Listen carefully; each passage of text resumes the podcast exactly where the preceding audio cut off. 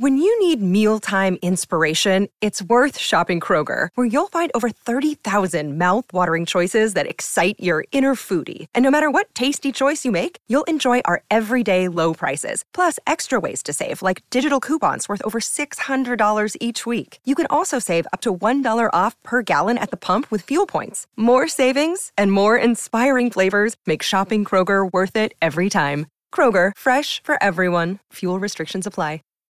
Save big on brunch for mom, all in the Kroger app. Get half gallons of delicious Kroger milk for 129 each, then get flavorful Tyson natural boneless chicken breasts for 249 a pound, all with your card and a digital coupon.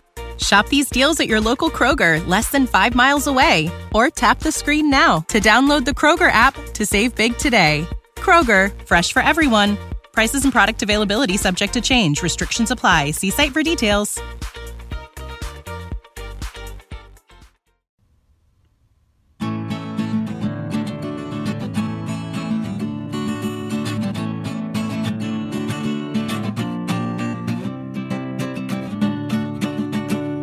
Vandaag hebben we een interview met Corian Mol. Corian is een entrepreneur en historisch researcher. Hij is misschien wel bekend geworden met de BBC-serie Forbidden History en de tv-show Curse of Oak Island. Nou, we gaan het vandaag hebben over zijn werk als researcher, uh, maar ook zijn nieuwe boek wat eraan komt. Dat hij schreef met Christopher Morford, genaamd The Jerusalem Files. Nou, Corian, welkom en bedankt dat je tijd had voor een interview. Ja, dankjewel. Super fijn om dit te doen. Eerst even uh, historisch researcher. Hoe ben je dat geworden en wat houdt het in? Ja, dat is niet echt een hele, hele officiële titel. Uh, ik ben een, uh, gewoon een, een amateur. En, en, en hoe, hoe begin je aan zoiets? Ja, doordat je ouders je jarenlang, wekenlang door Frankrijk sleuren en elk museum, elke kerk, elk kasteel intrekken. Ja. En je daar uh, dingen laten zien. Dus ik denk dat daar de interesse wel, uh, wel geboren is. En ik ben eigenlijk altijd naar geschiedenis blijven kijken. Naar schilderijen kijken. En, en kijken is één ding, maar, maar gewoon zien wat er staat. Wat bedoelen ze? Waarom hebben ze dit gemaakt?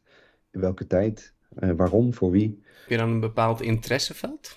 Ja, dat is wel middeleeuwen en renaissance Frankrijk. Ja, oké, okay, oké. Okay. Ja, specifiek Frankrijk ja, gebeurde een hoop in Frankrijk in die tijd. Hè? Dat is inderdaad een, een leuke, bijzondere tijd. Zeker. Um, even je, je tv-programma's. Hoe zit dat? Als we de eerste nemen, de Forbidden Histories. Ja, mijn, mijn uh, tv-carrière uh, mag je het niet noemen, maar het is een, is een, een aaneensluiting van, van toeval en uit de hand gelopen hobby. Ik was een keer op Malta en daar kocht ik een boekje. Heilige Bloed, Heilige Graal. En dat ging over wat eigenlijk de backstory is uh, achter de Da Vinci Code. Mm -hmm. Dus het verhaal dat uh, Jezus getrouwd zou zijn geweest met Maria Magdalena, dat ze misschien kindjes hadden, dat dat hele spul na de kruising naar Zuid-Frankrijk kwam. En, en dat vond ik een mooi verhaal. Het is een dorpje wat daar centraal staat, dat heet Rennes-le-Château. en dat ligt ja, zeg maar tussen de tenen van de Pyreneeën. En daar ging ik eens kijken. En ik raakte een beetje infected met, met dat mysterie. Ik ging daar elk jaar heen met mijn vader, zodat we samen wat te doen hadden ook. En uh, we hebben dat uh, van onder tot boven onderzocht. Een website gebouwd, podcast uh, gestart. En toen belde op een goede dag iemand van de BBC of ik mee wilde doen aan een documentaire die ze aan het maken waren over de bloedlijn van Christus. Hm.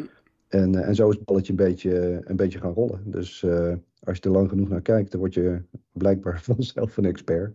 Zo zie ik mezelf niet, maar uh, ja. Nee, dat ervaren wij ook wel een beetje met de podcast inderdaad. Als je er lang genoeg over praat op een gegeven moment, ja, dan willen mensen het horen. Ja, ja precies. Ja. Ik heb hier uh, nu 25, uh, 25, 30 jaar naar gekeken. En als je dan een, een, een, een, redelijk functionerend geheugen hebt, dan, ja, dan weet je er wel een paar dingen van blijkbaar. Ja, en het research bestaat dat dan vooral uit, je zegt naar de locatie toe gaan, bepaalde boekjes. Hoe, hoe ga je te werk? Ja, een beetje de combinatie. Ik wil altijd alles zelf zien. Dus ik, uh, ik reis heel erg veel. Dus ik probeer alle locaties, uh, ook die met, met de huidige tv-show, met de Curse of Oak Island te maken hebben, gewoon zelf te zien. Alles te lezen wat erover geschreven is. ik heb heel veel contact met een hele grote groep researchers. En eigenlijk over de hele wereld die meekijken. En ja, daar komen ook vaak de mooiste dingen uit. Zo hebben Chris ook, ook ontmoet. Weet je, dit zijn dingen die zijn zo, zo groot en zo oud en zo zo breed. Weet je, dat, dat, dat is bijna geen begin aan als je dat in je eentje doet. Ja, Christopher Morford, je, je collega. Hoe heb je hem ontmoet? Hoe uh, ben je met hem samen gaan werken? Uh, Chris heb ik op Oak Island ontmoet. Dus de eerste keer dat oh, ik... net pas? Okay. Nou ja, vier jaar geleden. Dus de, de eerste keer dat ik op Oak Island was voor televisieopnames, was Chris er ook. En uh, ja, wij konden nog wel goed opschieten met elkaar. Hm. En we hadden allebei uh, afzonderlijke sessies uh, daar opgenomen. En daarna nog eentje samen. En aan het eind zei Rick Lagina, dus zeg maar de, de hoofdpersoon, die, die zei van nou, volgens mij moeten jullie gewoon samen blijven werken. En dat hebben we gedaan. Dus eigenlijk ja, sinds, sinds dat moment, in 2019, hebben we eigenlijk gewoon dagelijks contact. En, en is ook dat zo uit de hand gelopen dat we nu in februari samen een boek uitbrengen. Ja, ja. Um, dat even over Oak Island. Dat ligt in Canada, begreep ik. Ja. Het is, het is net geen Amerika meer, het is net, net erboven in Canada. Dat klopt, ja. Uh, maar dit heeft alsnog te maken met Frankrijk op de een of andere manier.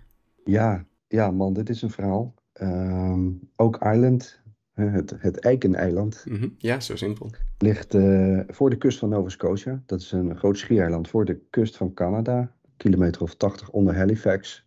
Daar wordt al sinds 1795 naar een schat gezocht. En dit is een gebied wat, uh, wat, wat echt gedrenkt is in, uh, in legende en, uh, en mooie historische verhalen. hier hebben Franse, Engelse, Nederlanders gevochten om, om de nieuwe wereld. Mm -hmm. En dit is ook een gebied waar piraten hun toevlucht zochten. En als galjoenen vanuit zeg maar Midden-Amerika naar huis probeerden te gaan en uh, de wind stond de verkeerde kant op, dan kwamen ze ook in dit gebied uh, terecht. Uh, dus je had eigenlijk al vanaf het jaar 1000 langs de noordkant kwamen daar de Noormannen, Vikingen. En vanuit zuidelijker Europa kwamen de Portugezen, de Basken, die kwamen daar vissen. En uh, ja, langzamerhand, uh, toen de bomen, toen al de bomen op begonnen te raken in, in Europa. Mm. En uh, de handel in huiden en dat soort dingen ontstond. Ja, werd dit een steeds interessanter gebied. Okay. En een gebied waar, weet je, waar een grote mogendheid een nieuwe start zou kunnen maken. Hè? Dus met name Frankrijk en Engeland waren ernstig geïnteresseerd en wilden hier ja, hun, hun, hun empire uitbreiden. En, uh, en zodoende kwam uh, ja, de, de, de spotlight op, op Nova Scotia te staan. Uh, de link met Frankrijk ja, ligt daar een beetje in. Mm -hmm. maar ook met een aantal dingen die, die gevonden zijn op het eiland. En, dan, en er zijn zowel Engelse als, als Franse artefacts gevonden. Mm -hmm. Maar weet je, een van de voorbeelden is een lode kruisje. Een ding van een centimeter of uh, drie, vier groot. Mm -hmm. lijkt een soort pelgrimkruisje. Hè, waarvan het lood uit een mijn komt in de Cevennes in Frankrijk. En als je dat dan combineert met de dateringen die ze vinden op het eiland. bouwwerken, putten die, die dateren van 1200 na Christus. En dan kom je al, al snel in de buurt van Frankrijk terecht ja. om de bron te vinden. Ja, het is verder Oak Island is niet een, een grote stad geworden of zo. Hè? Het is nog steeds een beetje een nee. raar klein dorpje. Niet eens. Nee, het is, nee, het is echt het is niks. Het is een, een eilandje van, uh, ik denk, uh, uh, nog geen kilometer bij. Zal het anderhalve kilometer zijn? Het is echt klein. Het is redelijk ontoegankelijk, zwaar bebost. het meest kostbare wat je kunt bezitten op Oak Island op dit moment is bugspray. Mm. Dus anti-insectenspray en van het spul dat je op je muggenbulten doet als, als je je toch de graas hebben genomen. Maar daar, daar, daar is nu een, ja, een enorme zoekoperatie uh, aan de gang. Maar daar, uh, daar wonen eigenlijk maar, uh, maar twee mensen. Het is redelijk okay, verlaten. Ik denk, als, oh, als, okay. als dat schatverhaal niet zou bestaan, dan, dan had er nooit meer iemand van gehoord, denk ik. Nee, nee. Ja, gek dan dat er eigenlijk zoveel gebeurd is en dat er dan daarna verder niks meer... Maar ja, goed, was het dan moerassig om te leven of zo? Of was het gewoon niet... Ja. Dat was een beetje, een beetje landbouw en mensen lieten daar een koeien grazen. Ja. en dat was een ja, gewoon een eilandje, een van de meer dan 300 eilandjes in de baai uh, waarin het ligt. Waar op een avond in 1795 een paar jongens uh, aan het jagen van het spelen waren. En die zagen ergens een lichtje branden. Uh, die gingen het eiland op. En die ontdekten een, hoe noem je dat in het Nederlands, een takel en blok. -hmm. Zo'n katrol die in een boom hing. Boven wat zeg maar een dichtgemaakt gat leek. En daar zijn ze gaan graven. En vanaf dat moment ja, begint de zoektocht en wordt er eigenlijk niet superveel gevonden. Maar het is iedere keer net genoeg om, Ja, ja, om de search aan de gang te houden. En dan krijg je een soort goud, eh, goudkoorts en schatkoorts. En eh, zie je dat, eh, dat mensen hun hele hebben en houden beginnen te investeren om uit te vinden wat daar is gebeurd. ja, en die koorts is inmiddels tien seizoenen Curse of Oak Island oud met tientallen miljoenen kijkers, begreep ik. Ja, ja. Ja, ik had wat dingen gezien. Ehm, ze hebben een, toch wel echt een soort schacht gevonden. Ja. Maar die ook een soort val had. Dat mocht je verkeerd graven, dan wordt die volgestort met zeewater. Ja, het lijkt booby-trapped. Dus eh, Ja, ja. Die, die drie jongens, eh, eind 18e eeuw, begin 19e eeuw, die, die gingen graven. Eerst eh, met z'n met drietjes, maar al, al snel kwamen ze zo diep dat het eigenlijk niet meer verantwoord was. En hebben ze een paar jaar later een soort, ja, soort, soort bedrijfje opgericht en geld opgehaald om het op wat grotere schaal te kunnen doen. En zij vonden inderdaad, om, om de zoveel meter vonden ze een soort platformpjes met Mm. eh, houten balkjes en eh, een van waterdichte kleilaag, kooltjes op vaste afstanden. En toen ze op 90 voet kwamen, een meter of 30, vonden ze een, een steen, die heet de 90 foot stone inmiddels. waar, waar vreemde inscripties op stonden die ze, ja, die ze niet vertaald kregen. Maar ze waren eigenlijk op dat moment ervan overtuigd dat ze, dat ze vlakbij eh, de schat waren. dat is trouwens ook wel de rode draad de afgelopen 200 jaar. Ja, ja. Dat iedereen denkt dat hij morgen de schat opgaat. ja, dat is vlakbij zo.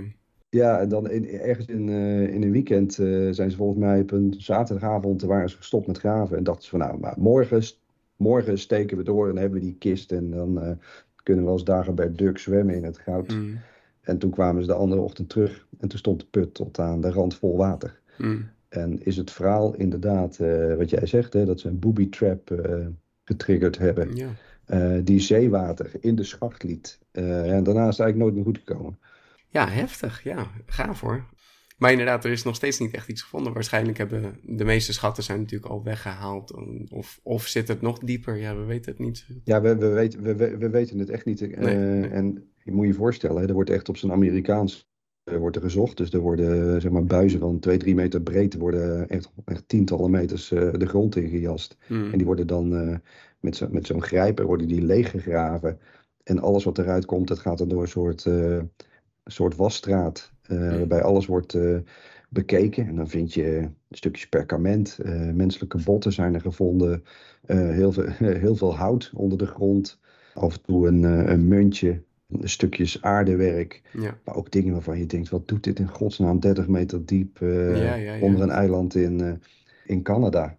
Ja. Ehm, ja, en dat houdt dan eh, de verbeelding wel, wel aan de gang. Tja, nou dan gaan ze nog twintig seizoenen door op deze manier. Ja, zolang de mensen blijven kijken, is er, is er een tv-serie, denk ik. Ja. Dit was wel ook een start van jullie boek, begrijp ik. ja, dus misschien, kijk, kijk, mijn, mijn rol in deze serie, eh, en, en dat is ook hoe ik erbij eh, terecht ben gekomen. Mhm. Dus ik, ik wist wat van het mysterie van Rennes le Château. Hè? Dus dat verhaal achter de, de, de Da Vinci-code. Mhm. Er was daar in 1885 een priester, Béranger Saunière. Die werd eh, van de een op de andere dag weer die schatrijk. Die heeft daar dat hele dorp verbouwd en een soort, nou, soort klein Disneyland van gemaakt. Eh, waterleidingen aan laten leggen. eh, de hele heuveltop eh, gekocht, prachtig huis weggezet. En eh er kwam een hele bonte stoet eh, belangrijke mensen eh, kwam daar langs. Eh, en het verhaal gaat dat hij in zijn kerkje, wat hij aan het opknappen was daar, dat hij daar perkamenten heeft gevonden met een of andere wetenschap. En het mysterie van Rennes Château lijkt ook echt een beetje, een beetje op de Da Vinci Code. Dus eh, bijvoorbeeld een, een schilderij van Nicolas Poussin, dat is een eh, bekende Franse schilder uit de 17e eeuw. eh, speelt daar een rol in. Engelse eh, kunsthistorici hadden uitgevogeld dat dat schilderij was gebaseerd op een, een pentagram, hè? een vijfpuntige ster, Ja. eh, die als, als het ware zeg maar, het geometrische patroon eh, vormde achter dat schilderij. En dat had dan ergens wat te doen met, eh met Rennes le Château. Als je goed naar dat schilderij kijkt, dan zag je een aantal heuveltoppen, waarvan één dan Rennes le Château zou kunnen zijn. En op de voorgrond ja. staat een tombe die tot eh, begin van de 20e eeuw ergens in de buurt van Rennes le Château eh, stond. En of dat nou precies klopte, ja of nee, er zijn, er zijn honderdduizend verschillende meningen over. En en, en duizenden boeken over geschreven inmiddels. Maar dat is een prachtig verhaal om, om uit te zoeken. Ja, ja. En ik kreeg op een gegeven moment een mailtje van een hele aardige mevrouw uit Amerika. Die vroeg of ik een keer wat wilde vertellen over die Nicolas Poussin. Want ik had er heel veel onderzoek naar gedaan. Uh, kende zijn schilderijen, uh, wist hoe dat met het mysterie te maken had. En zij vroeg eigenlijk van, god, zou dit ook iets te maken kunnen hebben met Oak Island? en waarop ik zei, nee, ja, nee, natuurlijk niet. ik zag ook geen, geen enkele link. Maar goed, een keer met hen gevideobeld. En we konden goed met elkaar. En uiteindelijk kreeg ik de vraag, wil je een keer langskomen? En twee uur later lag er een ticket. En, en, en twee dagen later landde ik op, op Halifax. En dan ben je een uur later, uh, sta je ineens op dat eiland, uh, wat je wel eens op televisie hebt gezien. Ja. Het was een beetje, een beetje surrealistisch. Ja. Ze hebben mij toen gevraagd of ik een, ja, eigenlijk een theorie wilde ontwikkelen. Die kon leiden van Nicolas Poussin en zijn schilderijen naar Oak Island. Hè, zou het kunnen dat hij geheimen in zijn schilderijen had verstopt. En hoewel ik op eerste gezicht dacht van nou, dit is gewoon echt onzin. Uh, toen ik wat nader ging kijken. Kijk, Poussin die werkte eh, veel voor eh, mensen in het Vaticaan. Mm. En maakte schilderijen die eigenlijk niet bedoeld waren voor publieke consumptie. Hè? Dus ja, ja, okay. hetzelfde als vandaag de Mona Lisa, daar gaan honderdduizenden mensen naar kijken elk jaar. Maar ja, Leonardo da Vinci heeft dat nooit geschilderd om in het Louvre te hangen met, nee. uh, met honderdduizenden andere schilderijen van andere mensen. Dit waren werken die voor de privécollecties uh, van mensen waren. Dus dit schilderij waar René Chateau bijvoorbeeld over gaat, dat heet De Herders van Arcadia, Shepherds of Arcadia uh, werd gemaakt voor een toekomstige paus en hing in het Vaticaan. En nu staat er op dat schilderij staat een, een, een tombe, prachtige rechthoekige tombe, zitten wat herders omheen. En op die tombe staat een, een zin in het Latijn, et in Arcadia ego. En in dat boekje wat ik kocht in 95 op Malta, werd eigenlijk gezegd, dat is een anagram. Dus als je die letters in een andere volgorde zet, mm. dan heb je een nieuwe zin en dan staat er Itego Arcana Dei. Uh, begone, I conceal the secrets of God. Maak dat je wegkomt. Ik verberg de geheimen van God. Wat natuurlijk een enorm groot, ambitieus, geheimzinnig statement is. En uh, twee dingen, anagrammen, die dingen bestaan. En dat was in de 16e, 17e eeuw in de mode. Hè, dat werd voor allerlei dingen gebruikt. Uh, toen Christian Huygens, hè, onze Nederlandse wiskundige en astronoom, mm. ontdekte dat een maan was bij Saturnus. Toen wilde hij dat vertellen aan zijn collega's in Frankrijk, maar om dat te verbergen in zijn brief, zodat niemand anders het zou lezen die per ongeluk zijn post openmaakte, verborg hij die boodschap in een anagram. Dus daar maakte hij een ander zinnetje van, wat je terug kon, uh, terug kon vertalen. Kun je zo op internet opzoeken. Uh, Lodewijk XIII en Lodewijk XIV, de koning van Frankrijk, die hadden een anagrammist in dienst. Thomas Bion uh, werkte 30, 40 jaar voor het Koninklijk Huis van Frankrijk. Die deed niks anders dan anagrammetjes maken. Van de naam van de koning, van de naam van de heilige. Op verjaardagen, maar ook zeg maar om uh, boodschappen te coderen die in de post uh, meegingen. Mm. En dat deden ze meestal in Latijn. Ja. Dus terug naar dat schilderij, Et in Arcadia Ego, dat dat een anagram is. Als je dat in de tijd bekijkt, dan zou dat best nog wel eens kunnen. En als je dan kijkt naar wat er staat. Arcadia was de eerste naam van Nova Scotia. Dus Nova Scotia Hè, dat grote schiereiland voor mm. de kust van Canada met, dat, met als hoofdstad Halifax. Toen dat ontdekt werd in 1525 door een, door een Italiaan, uh, Giovanni de Verrazzano. Die werkte voor Frans I van Frankrijk. Toen hij dat gebied ontdekte, noemde hij dat Arcadia. En het heet vandaag, noemen ze het nog steeds Arcadia. De, die R die is een beetje weggevallen, hm. maar zij noemen dit nog steeds uh, Arcadia. En in, uh, in de tijd van de grote onderzoekers was dit Arcadia. Hey, en toen hadden we dus een linkje van een schilderij van Poussin, waarvan al eeuwen wordt gezegd, hey, die heeft daar een geheim mee gecodeerd, mm. naar een gebied in Noord-Amerika, wat ook uh, Arcadia uh, heette. Nou ja, en daar is het een beetje begonnen. En ja, mijn rol is eigenlijk elk jaar een beetje, een beetje groter geworden. En uh, ja, vandaag ben ik eigenlijk vooral bezig met met het maken van de tijdlijn. Dus alles wat op Oak Island gevonden wordt, alle theorieën die langskomen, mm daar probeer ik op een rijtje te zetten. En uh, daar probeer ik dan uh, een logisch verhaal van te maken. Dus als je alle feiten, alle data, alle dateringen, alle voorwerpen, als je dat allemaal op een rijtje zet, wat is dan een min of meer logisch en ook nog een beetje plausibel, realistisch verhaal ja.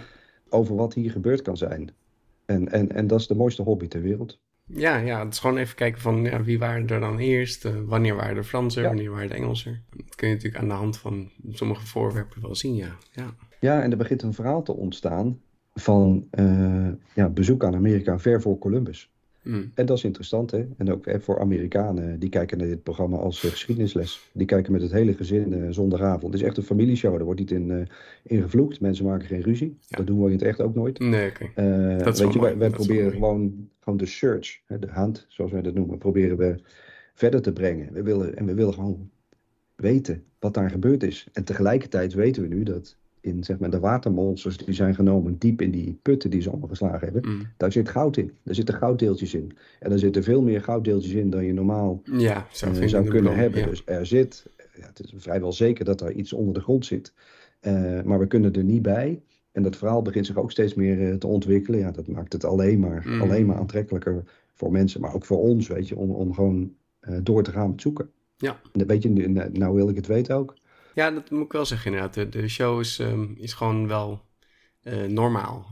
het is niet zo Amerikaans zoals eh, sommige shows. Inderdaad, het zegt ja, eh, het is gewoon research. Ze zijn gewoon, gewoon aan het zoeken en aan het Ja, graven. en dat gaat, gaat traag. Ja. is, eh, mensen zeggen wel, het is net goede tijden, slechte tijden. Hè? Als je een keer vijf afleveringen mist, dan, dan mis je niet zoveel. Eh dat is tot op zekere hoogte ook wel waar. Het is, het is een, traag, een traag ding. Maar je wordt wel mooi meegenomen in erin. Hè? Dat, dat is Ja. wel, ja, zeker. Ja, dat kunnen ze wel. Hè? Ja, die, die eh, gasten die die productie maken, die, eh, die weten wat ze doen. Echt helemaal. Maar er zit een mooie spanningboog in al die afleveringen. Zeker, ja.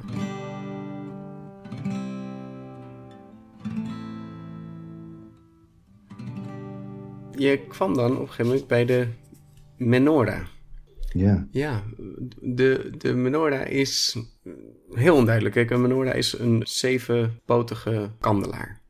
Maar het is ook een specifieke zevenpotige kandelaar. Hè? Want ja, in de Bijbel wordt ook de menorah ge- genoemd. En dan is het een mensgrote gouden kandelaar. Ja. Die met één fles olijfolie eh, een week kan branden, geloof ik. Of acht dagen. Ja. Want dat was heel specifiek. ja, ja, je hebt goed je huiswerk gedaan, dat klopt. Ja. De menorah is de, is, eh, er werd gemaakt door Mozes. Hè? Dus in het boek eh, Exodus eh, van de Bijbel. En maakt Mozes eerst de ark van het verbond en dan de menorah. Dus God vertelde aan Mozes, je moet een, een gouden kist maken. Daar kun je de tien geboden inleggen. En dan zal ik via die kist met jou praten. En die kist die moet je in een speciale tent zetten. Dat noemden ze tabernakel. Ja. Eh, want dat ding moest portable zijn. Want die, eh, de Israëliërs eh, die zwierven volgens kerk de Bijbel, volgens mij, ja, een soort reizende kerk. Hè. Zij Ja. zwierven 40 jaar door de woestijn. Dat zal geen lolletje geweest zijn. Nee, nee. En, en God zei, je moet er ook een lamp bij maken. Hm. Om om de boel bij te lichten. Of, maar er moest er een lamp gemaakt worden. En dat was de menorah. Die werd gespecificeerd door God zelf. Er moest inderdaad zeven ar- armen. Het, was geen, het waren geen kaars, maar het waren inderdaad olielampjes. En eh, dat ding was gemaakt van één blok massief goud, 50 kilo. Ja. En dat ding was eh 1,65 meter eh, hoog, ongeveer een meter breed. En dat eh, sleurde die Israëliërs door de woestijn. Hè, tot ze uiteindelijk ja, ja. in, in Palestina terechtkwamen. En koning Salomon de eerste tempel liet bouwen op de Tempelberg in Jeruzalem. En daar in het midden had je het heilige der heiligen. Waar de hoge priester dan zogenaamd met, met God kon praten via die ark. En die menorah stond daarnaast. Ja. En dat is, de menorah is een van de heiligste voorwerpen uit de geschiedenis. Dat ding staat op de vlag van Israël. En in Amerika eh, steken elk jaar eh, miljoenen Amerikanen een versie van de menorah. Die heeft dan negen armen, dat is een heel lang verhaal. ja, ja. Eh, maar, maar menorah als beeld is, is enorm, enorm krachtig. maar dat, dat is voor die negen dagen, hè? Dus dan, dan is het een ander soort functie inderdaad. Ja, hij heeft een ander soort En functie. de zeven is natuurlijk de, ja, de zeven dagen de, de scheppingsverhaal. Dus daarom is zeven natuurlijk... Ja, precies. Maar de, de menorah waar, waar ons boek over gaat, is, is die zevenarmige kandelaar die in de Bijbel stond. En die eh, volgens de verhalen verdwenen is. Die is voor het, eh, eh, voor het laatst gezien ergens, volgens mij eh, 431 na Christus. Mhm. Dat ding was in het jaar 70 door de Romeinen meegenomen. Dus als je ooit in Rome bent en je kijkt naar de Ark van Titus, dan zie je daar ergens een processie, een beeldhouwwerk van de processie. En dan zie je dat ze de menorah door de straten van Rome dragen. Daarna werd die weggezet in de Tempel van de Vrede. Dat was een soort eh, museum eh, van alles wat de Romeinen geroofd hadden uit, eh, uit de landen die ze overwonnen hadden. En daar is hij uiteindelijk verdwenen volgens mij nadat de barbaren of de Visigoten ja, de Visigoten, Jeruzalem waren, waren binnengevallen. Ja, ja. Wij, wij, waren, wij waren niet, laat even heel duidelijk zijn, wij waren niet op zoek naar de dingen. Nee. Ehm, maar wat er gebeurde, Chris en ik waren aan het samenwerken. En wij, op een gegeven moment kwamen we erachter dat er een onbekend monument in Engeland stond waar dat schilderij van Poussin eh, voor was gebruikt. Hm. Er, zijn, er zijn er twee van, dus één heel bekend eh, voor mensen die van mysteries houden. Een monument in Shugborough, de Shugborough Monument, de Shepherd's Monument. Dat is een, een monument waar, waar je een uh, afbeelding ziet van Nicolas Poussins Herders van Arcadia. Met een soort code eronder die niet ontcijferd is. Maar er is nog een monument waar dit schilderij op staat, wat niemand weet. En wij vonden dat terug in een overwoekerde tuin. Uh, ergens in de buurt van Londen. En dit schilderij staat op een uh, memorial, dus op een gedenkteken voor een, uh, een Britse premier waar ook nog nooit iemand van had gehoord.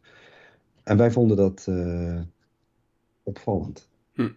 Dus wij zijn dat gaan bekijken, hebben het laten fotograferen. En wij zagen dat rondom de, en dit is het punt waar je dadelijk denkt van nou, de, de ja, is echt helemaal, ja, die is echt knettergek of, uh, uh, of misschien heeft hij toch een punt.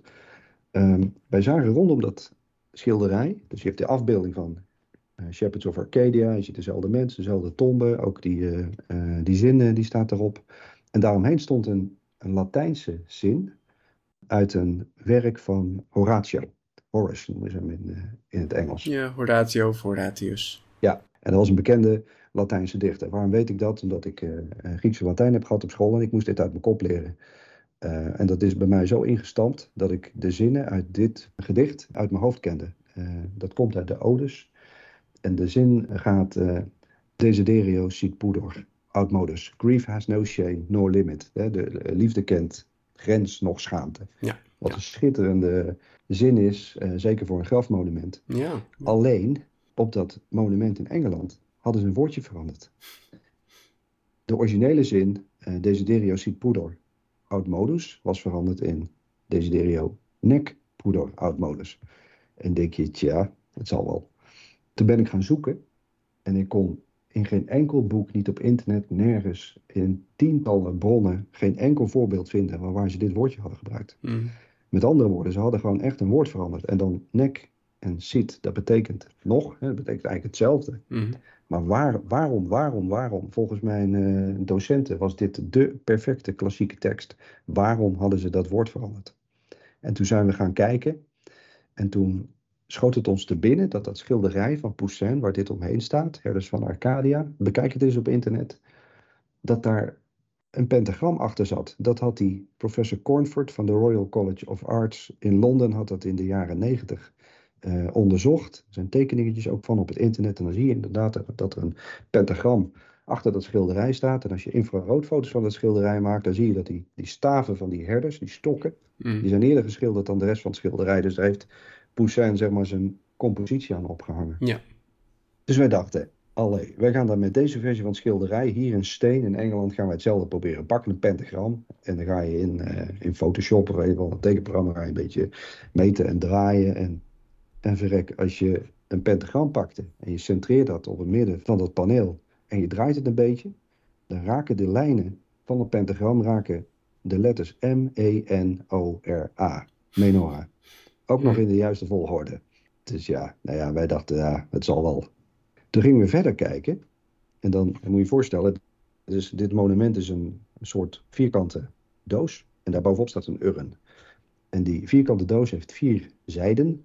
En op een van die zijden staat uh, die afbeelding van Poussins schilderij. Mm. Maar aan de andere kant staat een, een andere uh, tafereel. En daar staat ook een zinnetje omheen.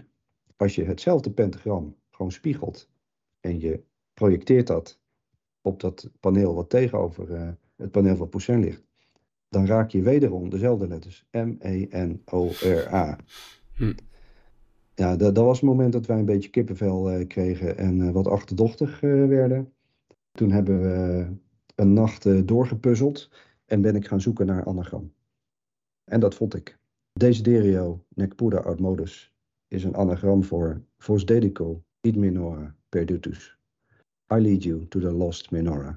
Ik leid jou naar de verloren menorah. Nou, toen, toen heb ik nog een nacht niet geslapen, denk ik. en, ja. en, ja, en, en, en, zo zijn we verder gaan. Dus wat, wat, wat hadden wij? Wij waren begonnen met Poussin, waarvan al eeuwen wordt gezegd... die man was een ingewijde, die verborg een geheim op zijn schilderij in opdracht van iemand in het Vaticaan die later paus werd. Dat schilderij had alles te maken met het mysterie van René Chateau, misschien met uh, de oorsprong van het christendom. En hier hebben wij het monument uit de 18e eeuw, waar we datzelfde schilderij zien. Als we daar hetzelfde pentagram op projecteren als op het originele schilderij, zien we niet aan één, maar aan twee kanten van het monument zien wij het woord menorah. Mm. En de zin die veranderd is uh, uit het gedicht van uh, Horatio is een anagram voor ik leid jou naar de verloren menorah. Ja, weet je, dan, dan, dan, dan, dan, moet, je verder, dan moet je verder zoeken. En hadden wij, dat, dat het moment dat wij op het idee hadden, nou, we, zitten, we zijn nu in een soort uh, real-life Da Vinci Code terechtgekomen. Ja. ja, want Da Vinci Code even voor misschien de mensen die het niet kennen. Het is natuurlijk een boek gebaseerd op allemaal historische dingen en mythologische dingen. Dingen die echt uit de Bijbel komen, dingen die niet gebeurd zijn. En daar is een soort, soort mix van gemaakt, daar is een fictie van gemaakt, een, een mooi verhaal van gemaakt. Ja, klopt. En ja, dat is uh, een populair boek geworden, maar, maar dat is wel nep. Er zijn natuurlijk een hele hoop mensen daarna ook naar Rome gegaan om al die dingen te bekijken. En, eh, ja. het, is, het is een ontzettende interessante, maar, maar wel echt een fictief verhaal. Het is een fictief verhaal. Ja, en nu krijgen we toch wel iets iets wat daar heel erg op lijkt. En... Nou ja, dat was het gevoel wat wel. Kijk, in de Da Vinci Code is een boek van Dan Brown, volgens mij 100 miljoen van verkocht. Ja. Heb je, heb je de hoofdrolspeler uh, Robert Langdon, en dat is een, uh, een symbologist. Iemand uh, die voor een of andere Amerikaanse universiteit werkt. En hij is gespecialiseerd in het vertalen van symbolen. Ja. Nou, zo voelden wij ons ook wel een beetje toen. Nou ja, en, en vervolgens zijn we verder gaan kijken. lang verhaal kort. We vonden nog aanwijzingen op dit monument die ja, gewoon extreem duidelijk naar één plek leiden. En die plek was Versailles. Dus we waren nu van Arcadia, Noord-Amerika, via een overwoekerde tuin in Engeland, kwamen we terecht in Versailles. Voor de mensen die nog nooit in Versailles geweest zijn, Versailles is uh, het koninklijke domein van Lodewijk XIV, de zonnekoning. Ja, gigantisch is het. Gebouwd in de 17e eeuw, 2000 acres. Dit is het grootste koninklijke domein ter wereld. Het is echt, eh, je, weet, je weet niet, als je, er ooit, uh, als je er nog nooit bent geweest, echt, ga er gewoon nu naartoe. Het is uh, groots en, en, en prachtig in alles. En toen zagen wij, kijk, de, je moet je voorstellen, er loopt één centrale weg, loopt door het domein van Versailles, kaarsrecht, vier kilometer lang. Mm.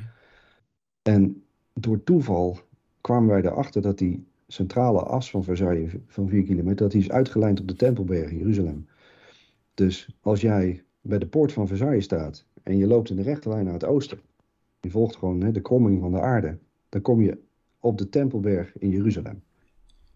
Als je naar het westen zou gaan, over de oceaan loopt, dan kom je dus in Nova Scotia, echt vlakbij Oak Island. Nou, dat, is, dat is het moment uh, dat wij weer op televisie uh, mochten komen om dit, uh, ja, ja, dit te presenteren. dit is inmiddels door wetenschappers ook bekeken.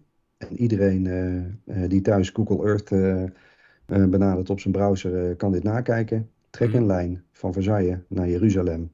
En je komt krek midden op de Tempelberg uit. En aan de andere kant in, in Nova Scotia. En dan heb je 10.000 vragen. Hoe, hoe, hoe, wisten, hoe hebben ze dit gedaan? Ja, hoe, ja. hoe lang ligt dit er al? Hè? De centrale as van Versailles is van 1631. Hoe, hoe dan? Ja, want het was gewoon een landhuis van Lodewijk de XIII. Ja, het was een, een, jacht, een, een jachtslotje eh, was het. Ja, uh, werd een kasteeltje, het werd een groter en nog groter. En die centrale as, dat is een van de eerste dingen die ze weggelegd hebben. Mhm. Ze wilden ook specifiek op deze plaats zijn. Ja, daar zijn, en daar zijn we natuurlijk nu wel naar aan het zoeken van waarom, waarom moesten ze per se hier? Want dat was een heel ontoegankelijk gebied waar geen hond woonde, omdat, omdat er eigenlijk gewoon niet te leven was. Mhm. en, en, toch werd deze plek uitgekozen. En wat we ook zagen is dat niet alleen was die centrale as uitgelijnd op de Tempelberg en op, en op een plek in Noord-Amerika. Als je vanuit de lucht naar Versailles kijkt, dan is dat hele domein is één grote zevenarmige menorah. En dan denk je, waarom heeft, waarom heeft niemand dit gezien? Dit ligt er al uh, sinds, uh, sinds 1685 in, de, in deze vorm. Het, en het is zo, klaar als looien. Je hebt vanaf de voordeur heb je drie drie van die grote avenuen die daar aankomen in een perfecte hoek van 60 graden. Dat is de driepoot. En da, dan zeg maar richting het oosten mm. waait die tuin uit in, in allerlei paden. En zie je heel goed zeg maar de, de, de hoofdpaden die een, een zevenarmige kandelaar vormen. En de zon die ondergaat, hè, die, die gaat elke dag op een ander plekje onder, net een stukje verder naar het oosten, naar het westen. Gedurende het jaar steekt de zon al de lampen van die, van die kandelaar aan. En als jij op 25 april, wanneer de middelste kandelaar, de middelste lamp wordt aangestoken, zeg maar op de Belvedere gaat zitten, samen met honderden andere mensen in Versailles, dat, dat, is, een, dat is een legendarisch moment, een mystiek moment, hè, waar, de, waar de zon de vier kilometer hoge menorah van Versailles aansteekt, die uitgelijnd is op Jeruzalem en Noord-Amerika, waarbij eigenlijk niemand weet waar die naar kijkt. En dit is de link met de menorah. Dus een schilderij van Poussin noemt Arcadia, waar we dit eiland hebben en waar we zaken vinden die te maken hebben met de, met de, met de tijd van de Tempeliers, die op de Tempelberg woonden en uh, waarvan we weten dat ze grote interesse hadden voor uh, al deze heilige voorwerpen, hè, die uit de, uit de vroegste periodes van de Bijbel ja, ja, komen. Ze heel, ja, zeker. en dan een paar honderd jaar later hebben we ineens een Franse koning die een menorah in zijn tuin legt van vier kilometer lang, die die uitlijnt op deze plekken en, waar, en waarbij dat ding terugwijst naar de buurt van Oak Island. Ja. Dus dat is een van de dingen uit ons boek. Ja, ja heel gaaf. Je zegt dus, uh, verwijst naar de menorah. Ja. Denk je dan meer dat het een soort uh, symbolisch ding is en, en, gewoon, gewoon de schat? Of denk je dat ze werkelijk een menorah hebben die, die ze ergens vandaan hebben of zelf gemaakt hebben? Nee, het begint, het, het begint erop te lijken dat ze dat ding hebben opgegraven. Dat ze het gevonden hebben. Meestal als je gewoon de tijdlijn van de menorah volgt, uh, nou ja, er is natuurlijk een, een referentie vanuit de Bijbel. Dan zijn er wat Romeinse referenties. En daarna zou die in allerlei steden geweest zijn. Zelfs in Constantinopel is hij geweest. Ja. Uh, of dat steeds dezelfde menorah is, of dat een ander is, of dat het maar een, een verhaaltje van horen zeggen is. zijn wel overal schilderijen van, dat, dat zeker. Dat die weer uh, wordt meegenomen en et cetera. Ja, je, je, je weet het niet. En uh, uh, voor degenen die denken van, ik ga eens even kijken waar Koyamol de menorah heeft gevonden. We hebben het ding niet gevonden. Nee. Maar we zijn er wel vrij zeker van dat die is gevonden in, in Jeruzalem. Dat die naar Europa is gebracht. En vervolgens, toen de tempeliers gearresteerd werden en de orde van de tempel door de Franse koning ja, werd vernietigd eigenlijk. Hmm. Dat ze met het ding naar Noord-Amerika zijn, zijn gevlucht. En, en daar spelen een aantal mensen eh, spelen daar een, een belangrijke rol. Uh, Lodewijk IX is een belangrijke figuur. Dus vandaag kennen we dus de heilige Lodewijk. St. Louis in Amerika is naar hem genoemd. Hm, oké, okay, grappig. Er zijn veel kathedralen, zowel in Frankrijk als in, in Amerika, die genoemd zijn naar, naar St. Louis. En we denken dat hij een, een rol heeft gehad in het verschepen van, van dit ding naar, naar Frankrijk. Ik kan daar verder nog niet te veel over zeggen, dan is uh, precies wat er in het boek staat. Uh, dat mogen de mensen dan uh, lezen in, in februari. Maar ik kan, je, ik kan je verzekeren dat het een, dat het een adembenemend verhaal is. we hebben voor dit boek, ik denk, een stuk of drie, vierhonderd documenten uit archieven gevist. met allerlei oude, originele Latijnse en Oud-Franse teksten. Waar soms letterlijk dingen in staan waar je denkt van waarom heeft niemand Waarom heeft niemand dit gezien? Mm. De, en de grap is dat het, dat het geheim eigenlijk helemaal niet zo goed verstopt zat. Dus aan de ene kant zat, was het niet zo goed verstopt, maar is het nooit, uh, hoe noem je dat, uh, gecatalogiseerd. Hè? Dus, uh, als je in de Vaticaanse archieven bent, dan zie je kilometers kasten. Ja, er staat in geen enkele database wat daarin staat. Hè? Dus je weet niet wat er in mm. die boeken zit. En tegelijkertijd hebben de Fransen dit geheim vastgelegd op een schaal zo groot dat niemand het heeft gezien. En daar is Versailles, is maar, dat is maar één voorbeeld uit het boek. Hmm. Er zijn echt nog drie, vier voorbeelden van manieren waarop ze dit hebben vastgelegd. Gewoon in your face. Dat je, als je dit weet, je kan het nooit meer onzien. Als, je, als ik Versailles zie, dan zie ik die uh, menorah. En iedereen na mij die straks die tekeningen uit het boek uh, gezien heeft. En dat geldt voor nog een aantal uh, plekken op de wereld. Je kunt het gewoon niet onzien. Het, waarom heeft niemand dit eerder gespot? En hoe hebben ze dit honderden jaren verborgen kunnen houden. Nou ja, gewoon door, door het uh, hondsbrutaal out in die open, gewoon hè, op een manier vast te leggen die zo groot was dat iedereen er langs keek. Ja. Je, je bent dus in het Vaticaan geweest, begrijp ik dat goed? Want er is een, ook gewoon een theorie dat de menorah in het Vaticaan is. Hoe, uh, hoe zit dat precies? Hoe steekt het Vaticaan in elkaar? Ja, ik ben zeker in het Vaticaan geweest. Uh, ze hebben mij niet in, uh, in het hokje gelaten waar een menorah stond of een ark van het verbod. Nee, precies. Nee. Nou ja, ik ben ook in het Vaticaan geweest, maar ik ben ja. niet in de archieven geweest of zo. Dus hoe, hoe zit dat precies? Nou ja, daar moet je geaccrediteerd uh, voor zijn, dus kom niet zomaar in. Uh, mm -hmm. En dan kun je daar gewoon uh, officieel onderzoek doen, word je keurig geholpen. Oké. Okay. Zijn er dan afgesloten gedeeltes of mag je alles nee. zien? Oh. Nee, je mag alles wel, je mag alles wel zien. Grappig, oké. Okay. je mag alleen niet overal, niet overal aankomen. Nee, dat, dat snap er ik. zijn verschillende procedures voor verschillende documenten. Hm. Alleen je kan daar zes maanden zitten, je weet niet waar je moet zoeken. Nee, nee. Nee, dat, dat zo. Ja, goed. Er uh, kan nog een stap in gemaakt worden om dingen te digitaliseren en zo. Ja, zeker. Ja, ja je hebt, je, als, je, uh, als je er bent en je weet niet waar je moet kijken, dan heb je er, heb je er nee. niet zoveel aan. Daarvoor is de, de, de hoeveelheid informatie uh, te overweldigend. Hm. En er heeft ook iemand, dit is, dat mag ik vertellen, dat is op televisie geweest. Er heeft ook officieel iemand namens de show in de Vaticaanse archieven onderzoek gedaan okay. gedurende een tijdje. En dat is buitengewoon interessant. Maar het, het simpele antwoord op de vraag: weten, weten zij of er een menorah in hun archief ligt? nee. Ik denk dat ze zelf niet weten wat ze hebben, waar ze hebben. Hmm. ze hebben enorme hoeveelheden onroerend goed over de hele wereld. Sommige gebouwen stokoud met kelders, onderkelders, onderkelders. Waarbij echt maar een fractie is onderzocht. Hmm. Zij weten niet waar ze bovenop zitten. Is dat dan, is dat dan een desinteresse? Is dat dan Waarom doen ze er niet meer mee? Te groot, te veel. Ja. Ja, en ik denk ook, hè, stel, stel, dat je, stel dat je wat vindt. Hè, als, je, als je per ongeluk een menorah opgraaft, ja, dan heb je misschien ook een politiek probleem. Er zijn heel veel mensen die dat ding willen hebben. Mm. Of die vinden dat het van hen is. Mm.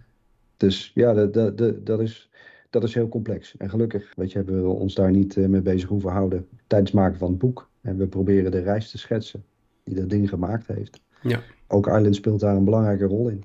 En het, het is gewoon heel, uh, heel spannend. Een heel uh, boeiend verhaal. En uh, we proberen mensen zoveel mogelijk zeg maar, die reis mee te laten maken die wij hebben gemaakt. Hè? Waarbij de, de, dingen die je ontdekt, de opwinding eromheen, de connecties die het geeft.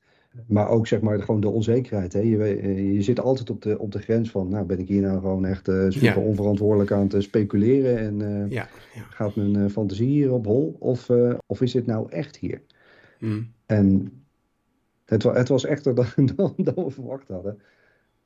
Ja, dat maakt het wel echt een, een cool verhaal.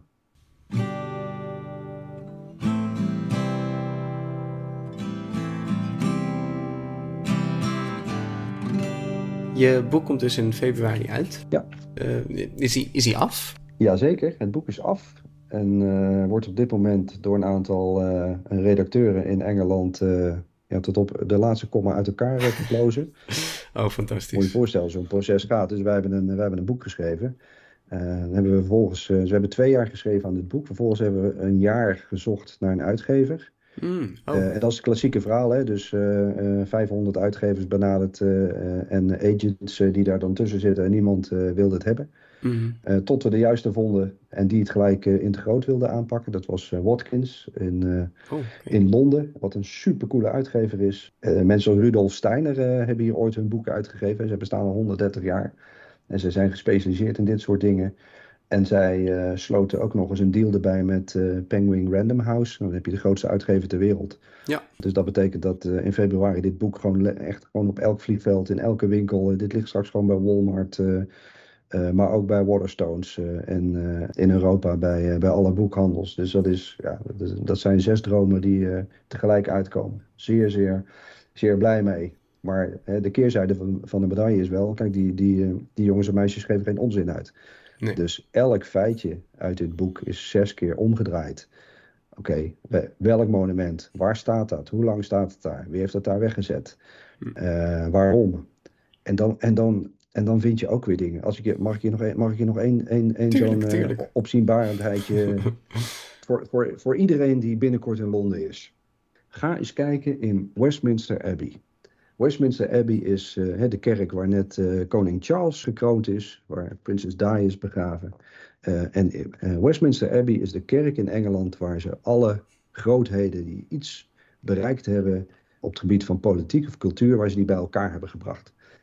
Die liggen daar allemaal begraven. Van Charles Dickens tot Edward, de, Edward de Zoveelste, ieder, Elisabeth I. Iedereen ligt daar begraven. Stephen Hawkins is er pas begraven. Hmm.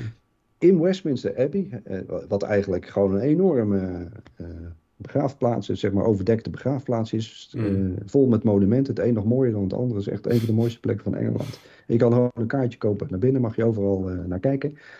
In die kerk heb je een, een, een sectie die heet The Poets Corner. Daar liggen de dichters. Dus daar zie je een monument voor, voor Shakespeare, Byron, daar ligt Charles Dickens, uh, Lewis Carroll hè, van Alice in Wonderland. Al de, dat soort mensen uh, ligt daar bij elkaar. En dan ligt daar in een hoek, of eigenlijk, eigenlijk niet eens een hoek, centraal in die ruimte, staat een, een grafsteen voor John Roberts. En John Roberts is iemand waar nog nooit iemand van gehoord heeft. Niet in Engeland en niet daarbuiten. John Roberts was de secretaris van een zekere onbekende Engelse premier, uh, wiens grafmonument ik net uh, beschreven heb. John Roberts was zeker geen dichter. Hmm. Wat de hel doet het graf van John Roberts in Westminster Abbey, is vraag 1, want hij heeft eigenlijk niets betekend voor Engeland. Uh, hij heeft nadat hij secretaris was geweest voor deze premier, heeft hij alleen nog maar ruzie gemaakt. En heeft hij een heel klein zeteltje gehad van een heel klein plekje in, in Engeland, waar hij vervolgens ook weer ruzie had over van alles is, een, een, uh, met, is vast een aardige man geweest, maar geschiedkundig was hij onbeduidend. Die heeft daar een, echt een groot grafmonument. En om zijn grafmonument te kunnen plaatsen, hebben ze het grafmonument van Chaucer hebben ze afgebroken. Chaucer staat bekend als de vader van de Engelse literatuur. Is een van de belangrijkste mensen in de Engelse literatuur.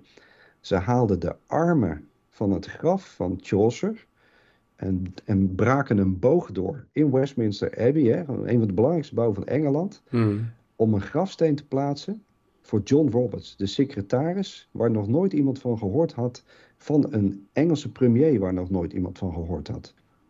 En dan staat bovenaan dat grafmonument van John Roberts een plaatje van een ander grafmonument. Op de gedenkplaats van John Roberts staat een afbeelding van het memorial dat wij hadden gevonden in een overwoekerde tuin bij Londen. Aha, ja. Waarom, waarom, waarom, waarom, waarom? Maar we weten één ding: John Roberts is de man die opdracht gaf om dit monument voor zijn baas weg te zetten. John Roberts gebruikte dezelfde beeldhouwer die het monument maakte voor Shakespeare. En ook dezelfde beeldhouwer die dat andere monument maakte, waar de herders van Arcadië op staat. Het Sherpero Monument in Engeland. En als je dan gaat peuteren, dan het is alsof je een bal gehakt uit een bord spaghetti trekt. Dan trek je alle draadjes mee. Dan lopen allemaal, allemaal lijntjes.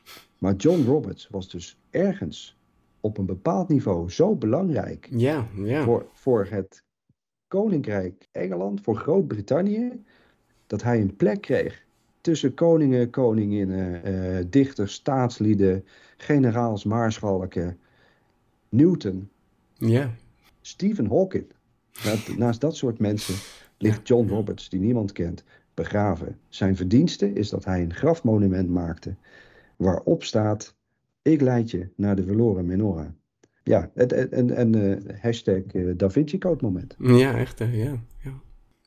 Ja, heel gaaf. Je, bent dan nu nog, ben je nu nog bezig met het uh, boek? Is het helemaal klaar? Ben je nog bezig met de Oak Islands? Het, het boek is klaar, maar de search nooit. Nee. We zijn op dit moment uh, uh, bezig met uh, filmen voor het elfde seizoen van de, de Curse of Oak Island. Mm En druk onderzoek aan doen. En, en dat leidt soms naar, naar gekke plaatsen. Mm. Dus we zijn op dit moment zeg maar vrij dicht bij huis aan het zoeken. Oh, en dit verhaal zou nog echt een, een super onverwacht en super cool Nederlands staartje kunnen krijgen. Er zijn afgelopen dagen een paar, een paar dingen gebeurd waar ik denk van, oh, wacht even.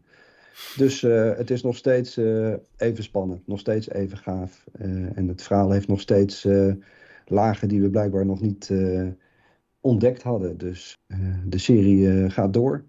Ja. de geschiedenis erachter wordt steeds interessanter, steeds belangrijker. Krijgt ook een steeds grotere plek in de show. En, en ik hoop dat ik hier ja, dat ik nog heel lang mijn uit de hand gelopen hobby mag uitoefenen. En vooral duidelijkheid, dit is mijn hobby, hè? dit is niet mijn werk. Hè? Ik betaal hier niet mijn, mijn hypotheek van. Maar weet je, ik voel me gewoon super, super bevoorrecht mens dat ik dit mag doen. En ja, dat, ik, dat ik dit nu mag delen met mensen. Ja, dat is het mooiste wat er bestaat. Ja, ja heel gaaf. Uh, en ja, fijn dat je het zo kwam, kwam uitleggen. En mensen die daar dan meer informatie over willen weten, ja, kijk ook Islands en ga straks het, een boek aanschaffen. Ja, dus de, de Curse of Oak Island op History Channel. Voor de mensen die er een hekel aan hebben, vervelend, want het wordt eindeloos herhaald. Dit is de best lopende serie op History Channel. En uh, voor het boek www.thejerusalemfiles.com. Uh, je kunt nu al uh, vooruit bestellen voor, voor februari. maar ligt dus 13 februari, de dag voor Valentijnsdag, in de winkel. Ja, 13 februari 2024. Zo is dat. Super. hey, Corjan, super bedankt voor, de, voor je uitleg. Ja, een hele heldere en ja, nog spannend verhaal zo. Hè? Het is, je, je, je, gaat er helemaal aan op en je gaat denken van ja, wat zal er dan nog meer zijn? En en wie had er dan allemaal nog meer mee te maken? Ja, heel, eh, heel gaaf. En uh, ja, ik wil je ontzettend bedanken. Nou, uh, super, super graag gedaan. Hè, jullie gaan ergens over historie en mythologie. Ja. Ik ben vooral benieuwd in welk bakje dit straks komt te liggen. Ik vermoed ergens in het midden. En ja. Weet, je, weet je, dankjewel. Super fijn gesprek. En wie weet, tot de volgende keer. Ja, precies. Ja, wie weet over een paar seizoenen dat we wat meer informatie hebben. Ik hoop het. dankjewel hè. Jo, dankjewel man. Hoi.